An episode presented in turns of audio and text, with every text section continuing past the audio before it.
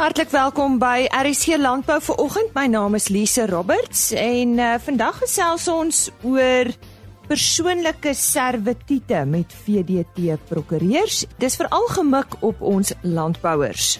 Henny Maas praat met Henny Leroux oor die voedingsbehoeftes van boerbokke en dan het ek tydens die Agri Expo Livestock met 'n BKB adviseur gesels en ook 'n skaapskeerder en ons vind so 'n bietjie meer uit oor sy werk. Ons begin veraloggend met nuus oor ons nuutste wolpryse vanaf veilinge in Port Elizabeth en soos altyd aan die woord Jolandi Rood. Die sewende veiling van die 2019-2020 wolseisoen het vandag plaasgevind met 'n aanbod van 12282 bale waarvan 96,8% verkoop is. Die mark het met 0,4%, dit wil sê met 75 punte verswak teen 'n waarde van R169.07 per kilogram verskoon wol. Die Cape Wools alle wol aanwyser het 0,5% swakker gesluit. Die Australiese EMA het ook met 1,7% afgeneem. Die rand was 1,9% sterker teen die Amerikaanse dollar en 5,2% af teenoor die euro vergeleke met die vorige veiling.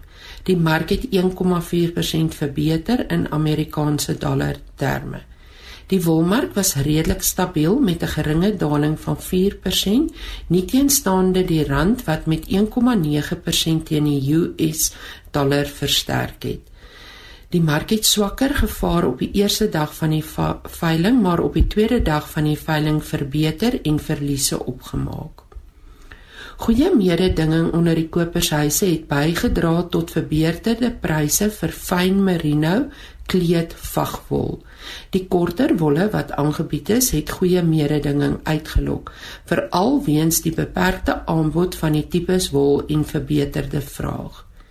Die herstel op die tweede dag van die veiling kan toegeskryf word aan verbeterde sentiment en 'n opwaartse tendens teen die einde van die Australiese veiling. Die wisselvallige pryse toon steeds dat daar 'n mate van onsekerheid heers in die mark. Die grootste kopers op die veiling was Lempriere SA met 3425 bale, Standard Wool SA met 3292 bale, Modiano SA met 2784 bale en Tianyu SA met 1084 bale.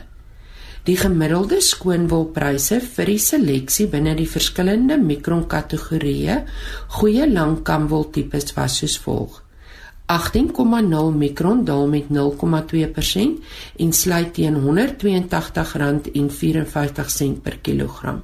18,5 mikron neem af met 2,1% en sluit teen R180,05 per kilogram. 19 mikron verlaag met 2,8% en sluit teen R176,57 per kilogram. 19,5 mikron verswak met 2,6% en sluit teen R174,78 per kilogram. 20 mikron is 1,5% af en sluit op R172,21 per kilogram. 20,5 mikron is 1,6% swakker en sluit op R169,64 per kilogram. 21,0 mikron verlangsaam met 1,6% en sluit op R169,60 per kilogram. 21,5 mikron het met 0,8% afgeneem en sluit op R170,63 per kilogram. 22 mikron daal met 0,8% en sluit op R170,84 per kilogram. En 22,5 mikron is 1,3% swakker en sluit op R170,12 per kilogram. Die volgende veiling vind plaas op 24 Oktober wanneer plus minus 10415 bale aangebied sal word. En dit was aan Jolandi Rood met ons wolmark verslag. Ons gesels weer op RSC Landbou vir oggend regsaake en ons praat met Tian Koen van VDT Prokureurs. Hy gaan ons meer vertel oor persoonlike servitute en hoe dit toegepas word in die alledaagse wêreld. Tian, ja, kom ons begin sommer daar by die begin. Wat is 'n persoonlike servituut en hoe word dit gereguleer? Goeiemôre. Hallo Lise, dankie. Dit is lekker om julle te kuier. So om kom ons begin hier begin. In algemene terme is 'n persoonlike servituut 'n ooreenkoms tussen 'n eienaar wat dan 'n saak of 'n eiendom besit en hy verleen dan sekere gebruiksbevoegdhede oor hierdie saak of eiendom aan 'n ander. Die persoon wat hierdie regte verkry, betaal dan vergoeding en hy het hierdie regte dan vir 'n bepaalde tydperk. So persoonlike servitute wat nie in die agterkantoor geregistreer word nie, word beskou word beskou as 'n persoonlike reg. En 'n persoonlike reg is slegs afdwingbaar tussen die partye wat gekontrakteer het. So dit is baie belangrik om hierdie reg te registreer in die agterkantoor want jy verkry dan beskerming teen 'n derde partye. 'n Derde party in hierdie geval sal dan wees byvoorbeeld 'n bank wat 'n verband het oor die eiendom. Dit sal dan ook wees opvolgers in titel soos nuwe eienaars en dit kan ook insluit dan mense wat die saak of die eiendom verkry by wyse van vererwing. Dan rondom die regulering van servitute.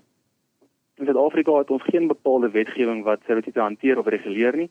Ons maak baie staat op die gemeenereg wat afkomstig is van die Romeins-Hollandse reg en dan ook natuurlik ons howe se uitsprake oor die jare help natuurlik baie met die regulering van servitute. So watter servituut geniet die meeste aandag nou spesifiek in die landbousektor? So dit is baie moeilik om een servituut spesifiek uit te lig, maar as ons kyk na navraag van die publiek se kant af, sal dit blyk dat usufruct of vruggebruik wel baie aansien geniet in die landbousektor. So wat uh, vruggebruik behels, dit is 'n baie omvattende persoonlike servituut en hy het uh, 'n kombinasie van die regte van uses wat 'n gebruiksservituut is en ook dan van habitatio wat 'n verblyfsregservituut is. Usufruct is 'n kombinasie van beide van hierdie twee. So vruggebruik of usufruct is dan die beste om te beskryf is om in die hand van 'n voorbeeld. So dit sou wees waar 'n boer byvoorbeeld 'n stuk grond het. Hy het op hierdie grond dan 'n woonhuis Hy sal dan 'n stukkie grond hê waar by mielies byvoorbeeld plant of soja. Hy sal dan 'n kudde hê waar daar dan byvoorbeeld beeste of skape is en hy sal byvoorbeeld 'n vrugteboord hê. So indien hy die reg van vruggebruik vir iemand gee oor hierdie stuk grond van hom, dan in effektiwiteit gee hy basies sy gebruiksbevoegdhede oor hierdie grond aan daai persoon. So hierdie persoon mag dan een of in die woonhuis self bly of hy mag die woonhuis uitverhuur en die huurinkomste vir homself neem. Hy kan ook natuurlik dan die enige opbrengs vanuit die oeste. So kom ek sê daar kom nou die mielies word gestroop. Die persoon is dan geregtig op al die opbrengs van hierdie mielies. Hy sal dan ook natuurlik die voordele en vrugte van die boorde kan geniet en dit gebruik soos hy wil. Wat Josefak dan so sterk maak is dat daar geen beperking is op die hoeveelheid voordele wat 'n persoon kan kry nie. In ander woorde, as daar nou 10 skape aangeteel word, hy is geregtig op al 10. Hy hoef nie van hulle te hou vir die boer nie. Hy kan al 10 vat en of self gebruik of gaan verkoop en die geld neem dan. So dis waar die sterkste voordeel van Usafat inkom. Dit is daar's geen beperking nie. Buite natuurlik dan dat hy altyd die saak moet onderhou en dan net in stand hou sodat dit voordeel van wees of voordeel van wees van die eienaar wanneer die servituut dan sal verval. Watter ander persoonlike servitute is daar, Jan? So ek gaan vandag drie ander bespreek. Ons gaan kyk na uses wat gebruiksreg is, habitatio wat 'n verblyfreg is en dan voorkoopsreg. So Uses of gebruiksreg is 'n suiwer gebruiksservituut waar jy vir iemand dan die reg gee om jou saak of jou eiendom te gebruik vir 'n bepaalde tydperk. So as ons teruggaan na die voorbeeld van vruggebruik, kan jy dieselfde een toepas. Die groot verskil wat hier inkom is dat by gebruiksservituut mag die persoon die saak of die eiendom slegs gebruik vir sover dit hom en sy gesin aanbetref vir hulle lewensbehoeftes. So as jy dieselfde voorbeeld gebruik, waar 'n uh, boer dan 'n woonhuis het en hy het dan ook 'n kudde en 'n boord en byvoorbeeld dan mielies by geplant het, mag die persoon aan wie hy die verbruik verleen, mag die persoon slegs in die huis bly, dan word hy mag nie uitvier vir vir gebruik nie. Hy mag slegs self daar bly saam met sy gesin. Indien daar 'n oes afkom, mag hy slegs 'n gedeelte daarvan neem om byvoorbeeld vir hom meel te maak sodat hy kan brood bak en waar daar dan aanteelt is in die vee, mag hy slegs van hierdie vee vat en byvoorbeeld slag vir sy eie gebruik hy mag nie meer vrugte neem as wat sy onmiddellike lewensbehoeftes toelaat nie. So dit is waar die groot beperking inkom teenoor uh vruggebruik en gebruik. Dan kyk ons na habitatio of bewoning. So habitatio word afgelei vanuit die woord habitat wat beteken huis. So dit is dan servituut wat jy gee vir iemand om in jou eiendom te bly vir 'n bepaalde tydperk. Ons vind hierdie servitute dikwels in residensiële eiendomme waar 'n seun byvoorbeeld sal voorsiening maak vir sy ouers om dat indien hy nie meer hier is nie, indien hy vir hulle afsterf, dat hy seker kan maak dat hulle wel verblyf gaan hê vir die tyd wanneer hy nie hier is nie. So jy sal tipies so servitut registreer oor 'n woonstel en dit sal wees vir die lewensreg van sy ouers of die persoon aan wie hy dit gee en die servitut sal dan bly tot en met die afsterwe van die persoon se ouers.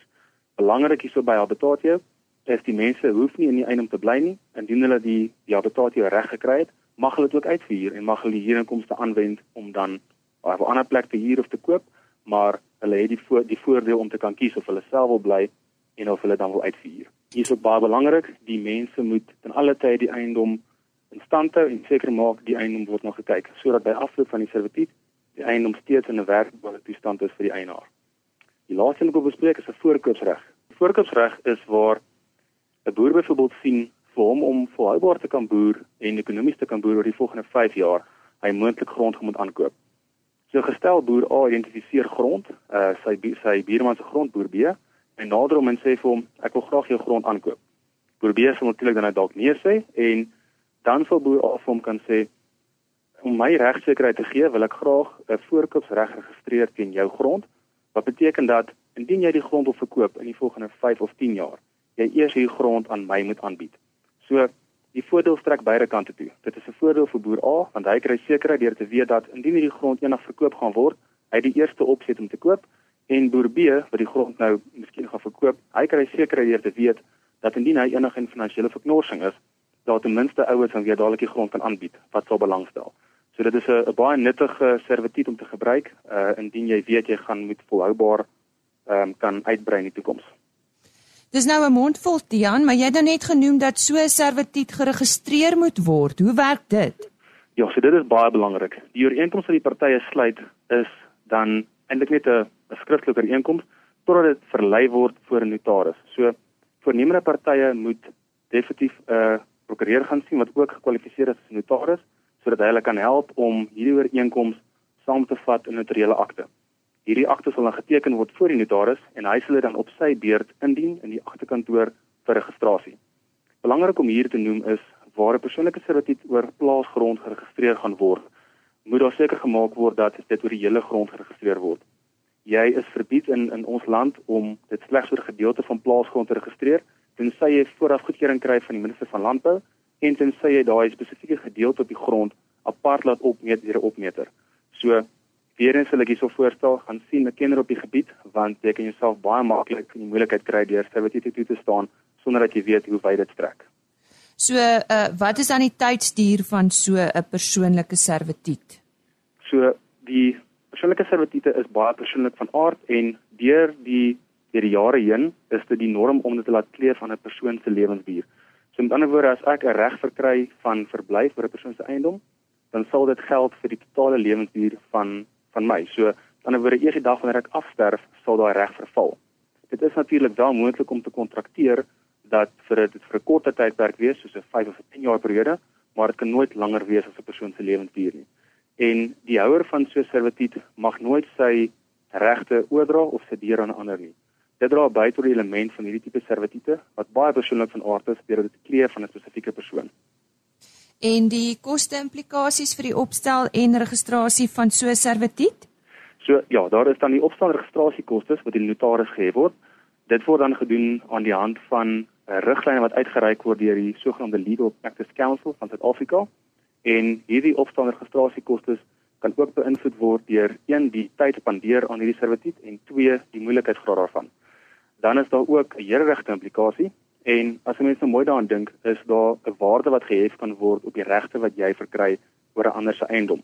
So SARS het gegaan en hulle het 'n formule gaan uitwerk wat onder andere kyk na die waarde van die eiendom en ook dan na die lewensduur of die tydduur van die servitut en op grond daarvan plaas hulle waarde op hierdie regte en word 'n persoon dan belas uh, wanneer die servitut geregistreer word. Dan ook terselfdertyd wanneer hierdie servitut gekanselleer word, is daar ewe skielik is hierdie eiendom nou vry van die beswaring en dis neem die waarde van die eiendom weer toe, so daar's ook dan hereregte implikasies by kansellasie van die servitute. Dian, wat is die toepassingsmoontlikhede van hierdie servitute in vandag se tyd?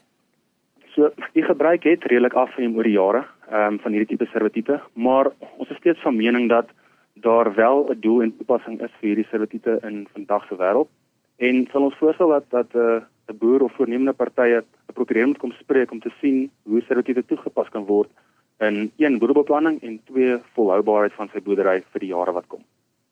En om mee af te sluit net so 'n bietjie advies vir ons boere in hierdie verband? Dit is 'n baie tegniese afdeling van ons reg hierdie, so moet asseblief nie so iets eie probeer aanpak nie gaan spreek altyd 'n kenner want dit kan verrykende gevolge hê indien jy iets doen wat jy nie voldoende kennis oor het nie. Nou ja, en dit was dan eh uh, Tian Koen. Hy is verbonde aan VDT Prokureurs en hy het met ons vanoggend gesels oor persoonlike servitute en indien jy graag met hulle wil gesels, skakel hulle in Pretoria by 012 452 1300 012 452 1300 en soos ek genoem het, dit is VDT prokureurs. Volgende fokus ons op die boerbokbedryf. Aan die woord is Henny Maas. Ons uh, gaan nou gesels oor boerbokke en ons praat met die voorsitter van die Noord-Kaap Boerbok Klub en uh, dit is Henny Leroux. Ja, boerbokke is baie inheems in Suid-Afrika as ek reg. Doodreg Henny, dit is 'n bok wat uit die Afrika tipe bok geteel is uh, 60 jaar gelede uh, ons teelersvereniging is 1959 gestig. Ons is vanjaar 60 jaar oud. Hulle sê een van die groot voordele van boerbokke is uh, die benutting van van weiding en in die geval hulle wei mos nie onder nie, hulle wei bo in die in die bosse. Doodreg en die uh, skape begin aan die onderkant. Ons praat altyd van onder na bo wei. Boerbokke begin intedeel bo.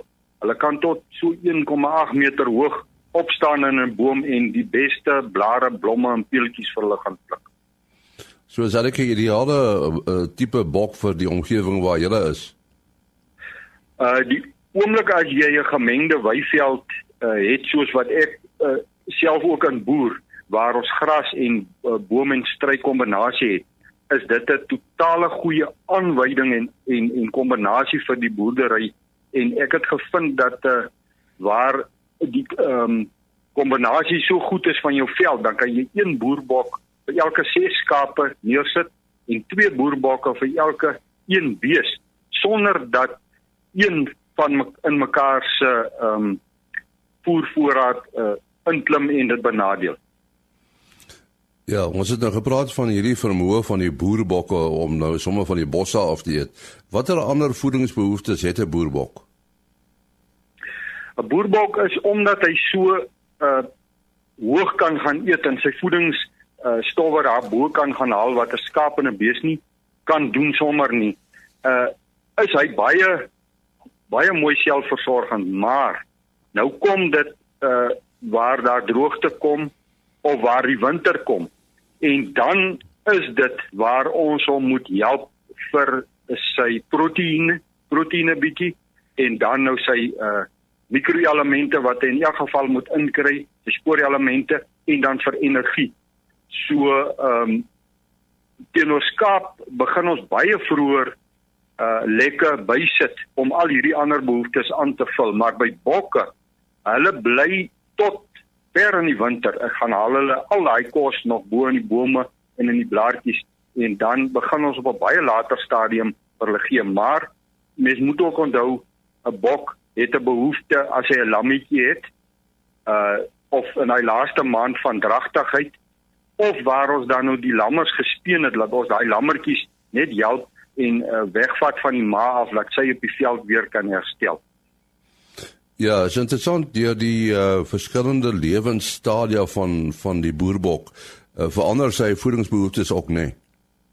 Nee. Doodreg en uh soos wat soos wat ons in die verskillende stadiums van daai produksiefase ingaan, ehm um, uh moet ons maar net kyk dat ons kan help want jy sien dit sommer aan die bokse se haar dat hy bietjie uh voeding ekstra nodig het vir al jou lammers en dan ons wat maar gereeld uh, uh minder reën kry, uh moet maar altyd binne in die veld uh bly laat ons kan sien of ons diere in 'n goeie toestand is en dan help jy hom net 'n bietjie. Maar soos ek sê die bok het 'n baie minder uh navraag of inset wat jy moet doen teenoor byvoorbeeld die skaapboere en daarom kombineer dit so goed met mekaar.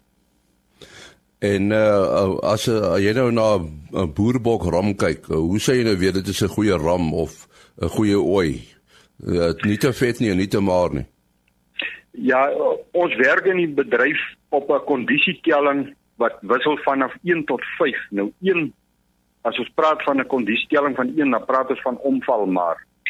As ons praat van 'n kondisietelling van 5, dan praat ons van geil vet dat dit amper lyk asof daai olie wil uitloop uit die vel vel uit.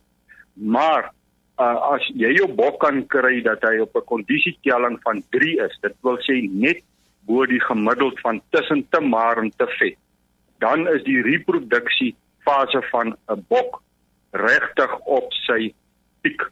Dan want te maar is nie goed nie, te vet is nie te goed, is nie goed nie. Ja, ons het gepraat oor uh, droogtes wat wat 'n mens het.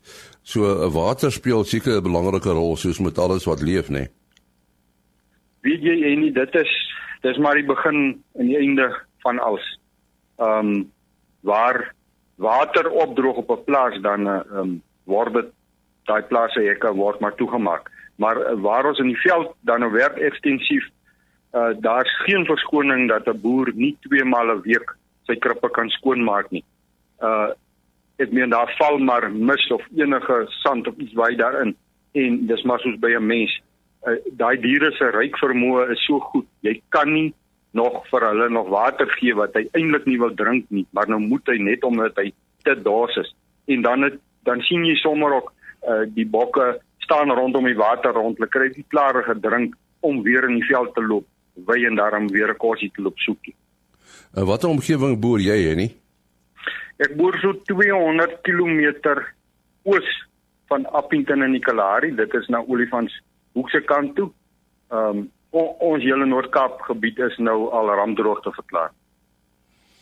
Ja, ons sê baie dankie aan Henny Leroux wat gesels het oor boerbokke en hulle voordele.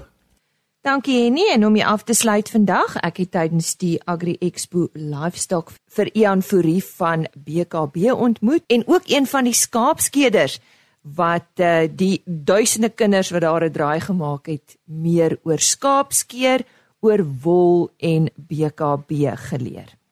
Ja, en wat doen jy by BKB? Ons is nou hierso vandag en ons uh, gaan 'n bietjie die mense meer wys oor skeerdiens, wat behels skeerdiens als en hoe die wol van daar af gaan.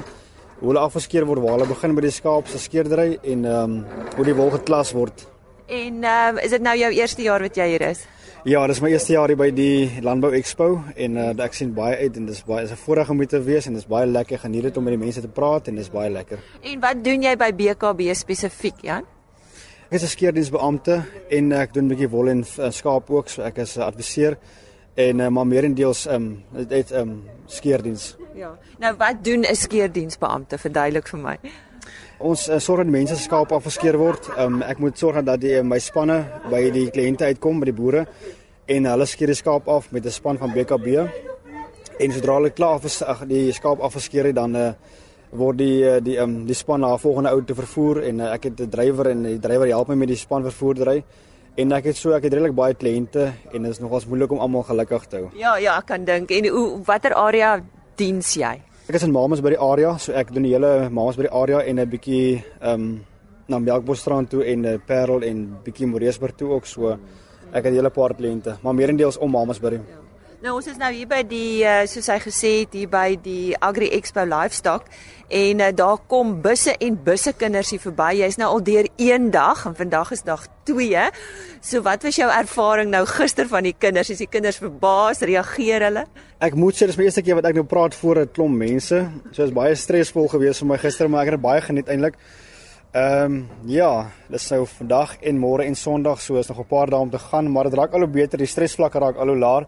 So is baie beter ek geniet dit. So hoeveel skape het jy nou gister geskeer? Ehm um, ek dink daar's 7 wat klaar gister geskeer is. Ehm um, ek het gehoop om 3 te skeer want eh uh, maar uh, ons gaan 'n bietjie meer skeer vandag. Ja. En bietjie bietjie beter wol sien ook so dis ja. En wie se skape is dit? Ek het sommer by 'n kliënt van my by dit in 'n bos gekry by die plaas eensaamheid en uh, ek wil net vir hulle baie dankie sê ook vir hulle bydrae. Ja. Nou ek wil so 'n bietjie praat oor jou loopbaan. Hoe het jy gekom waar jy is? Hoe het dit nou gekom dat jy 'n skeerdiensbeampte is? Ek reg met die naam? Ja, dit is absoluut reg met die naam. Ehm um, ek het geswat in Bloemfontein en uh Ja, toe eh, toe het ek vir 'n paar maande op opleiding gegaan by BKB in PE. En uh, toe gaan die area oop by vir, vir skeerdiens in Mamasbury en uh, toe doen ek aansoek vir die aand vir die vir die um, area en uh, toe kry ek die area gelukkig. En uh, ek geniet dit baie. Ek kom al die pad van die Vrystaat af, so is my nogals baie vreemd hierso in die Swartland, maar dit is baie mooi en ek geniet dit baie. Wat is jou naam? Is uh, ek is Clement. En waar kom jy vandaan? Ek kom van Lesotho. Lesotho. Ja. Hoe nou lank skeer jy al skape? Is uh, 1973 het hy skeerskap. En het jy al deelgeneem aan die kompetisie van die skeer? Ja. Hoe het jy gedoen? Eh gaan by Bloemfontein daar aan kan by die see. Ja, daar is skap is bietjie lekker is werk daai ene. Lekker werk. Ja, lekker ja. werk. Hoekom is dit vir jou lekker? Nou eh net de net daar daar by die kop. As al hoor daai ene is lekker. Ja. Daai ene hy werk so. Ja. Is baie lief die ene mos ek kan nie werk by die ene sal ek kan nie voel lekker, ek kan nie voel swaar daar so. Dis al voel lekker daar so. Ja, ja, ja. En uh, wat is vir jou moeilik van skaapskeer? Waarmee sukkel mens? Wat is die moeilikste? Nee, ek kan nie sukkel nie. Niks nie. Ja, Is dit maklik? dit is maklik. Ja. Ja, ek kan nie sukkel nie. En en hoe vinnig skeer jy die skaap? Ja, 2 minute miskien de eh, klaar skap. Ja. Ja. Probeer jy elke keer vinniger of nie? Nee, vir daai dis keer vinnig. Ja. Ja, 1 minute is reg. 1 minute. Ja, ja, ja. En waar het jy al oorlaas geskeer? Reg deur die land. Ja, het stad daar by die Senegal Transvaal. Ja. Vrystaat. Door die so weer kap. Ja, ja. Daar by Australië. Australië. Was jy al in Australië? Ja, ek kom daar so. Oh, en hoe was dit? Ja, ek kom uh, 94 daar by Australië. Ja. Ja. En hoe dink jy dis lekker om daar te bly? Lekker bly daar so. Lekker. Ja. ja. En hoe skeer hulle skape? Nee, daar so by die by die competition. Ja. Ek gooi net daar skap daar so by die by die by die hok. Ja. Es agt keer. Ja. Es ek kyk hoe laat by die klaar maak die skap. Ja. Miskien eh 30 minutes, 40 minutes. Ja. Ja. Maar hulle is nie so goed soos ons met die hand skeer nie, né? Nee, daai hangskeer is bietjie swaar. Ja. Daai dit daai dit eh, skeer by die ek maak moeg hoe so by die hand. Ja. No, die ding die masjien ek maak nie swaar nie. Wow. Ja, daai dit China is skeer 200 by die dag. Sjoe. Ja, kan skeer 150. No, daai skeer kan nie 200. Ja, ander man skeer by 200. Ja. Ja, maar no, same size daai ball die die skap is by die sokker. Ja. Ja, is same size. Ja, dit was tydens die Agri Expo Livestock wat ek met Clement gesels het. Hy is al vir talle jare 'n skaapskeder en voor dit met Jan Fourie van BKB.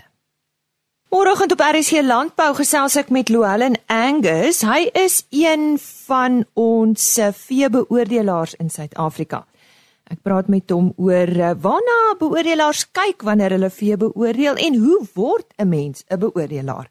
Dan uh, het ek ook tydens die Agri Expo Livestock by die Cape Rabbit Club ingeloer en uh, met twee jong dames gesels. Hulle haas het die haas van die skou toekenning gekry.